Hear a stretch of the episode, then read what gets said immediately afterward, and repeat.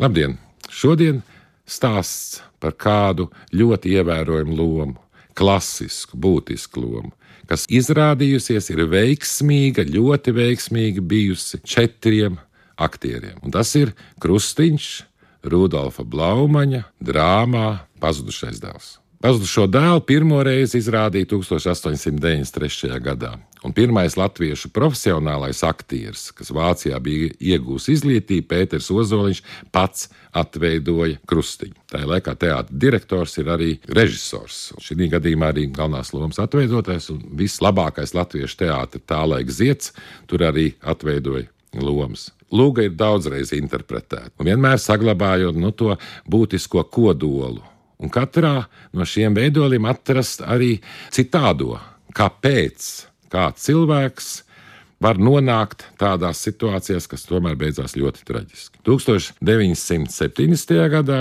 Valmieras drāmas teātrī Oļģets Kroders, šī gada simtgadnieks, iestudēja pazudušo dēlu visai novatoriski, jo lielu uzsvaru lika, ka Krustiņš ir jaunais cilvēks, kas nāk ar jaunu ideju, bet viņa tā problēma ir ārkārtīgi egoistiskā, varbūt pat cietsirdīgā māte, kas mīlēdām faktiski visu to cilvēkam ir liegusi. Kritika visai bargi to vērtēja, jo, lai gan loma spēlē un ļoti labi spēlēja Rihards Rudāks, Tomēr eh, daudziem likās, ka tādā veidā 70. gadā Blaumaņa pazudušo dēlu nevar interpretēt. 1990. gadā tajā pašā Valmieras teātrī Valentīns Matsulēvičs iestudēja pazudušo dēlu un krustiņu atveidoja tagad dēls teātris premjeras Girts Česters. Kā jau Valentīns Matsulēvičs arī pilnīgi savā interpretācijā izlasīja šo lugu, akcentējot atkal tam laikam būtisko. Kā te rakstīts ir Silvija Radzobe, ka ķester tēlotā krustiņa pārākumu pār roplaņu sēdz ļaudīm uzsvēra jau viņa fiziskā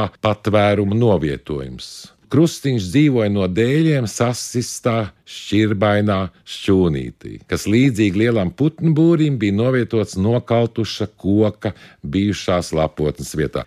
Pēc tam ir nu, laikam manā pieredzē viss, viss emocionāli piesātinātākais pazudušā dēla uzvedums 2002. gadā, kad Kultūras akadēmijas absolventi izrādi e, pazudušo dēlu, veidoja režisora Mārķimeli. Roplaiņa un roplainieces lomā bija pieredzējušie ļoti labie Valmieras teātra aktieri Aigars Vilims un Ines Ramuta. Krustiņš bija Kaspars Zvīguls emocionāli attiecības, dialogi bija tik arī ar zemstrāvām pilni, nevarēja vienaldzīgi neviens skatīties. Un vēl traģiskais gadījums, tad, kad izrāda bija iestudēta, tad notika auto avārija un ļoti talantīgie divi aktieri, viens, kas spēlēja Miku, Rīta Osojārs un Brigita Pauzeri, kas spēlēja Ilzi, aizgāja bojā auto avārijā.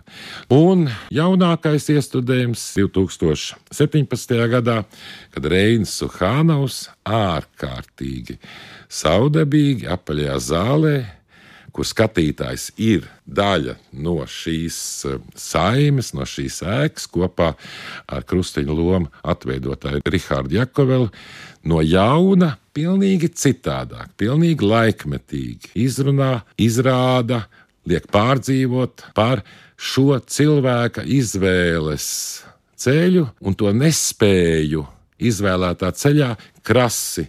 Mainīt noteikumus, mainīt savu attieksmi, vai arī citi nespēja kas beig beigās noved pie iznīcības. Salīdzinot no nu, vismaz ar kādiem 12 pazudušiem dēliem, ko es esmu redzējis, pirmo reizi es redzēju, cik būtisks līdzās krustiņam ir āžas tēls. Ievas puķis eh, gadījumā viņi ienesa telpā pilnīgi citu satveru, kas arī ļoti palīdzēja atrisināt krustiņu lomu. Nu, tā ir ārkārtīgi laimīga loma un radoša loma, un Rihards Rudāks, ko es minēju par krustiņu šajā pēdējā Valmieras teātrī izrādē, spēlē Miku Stēlu.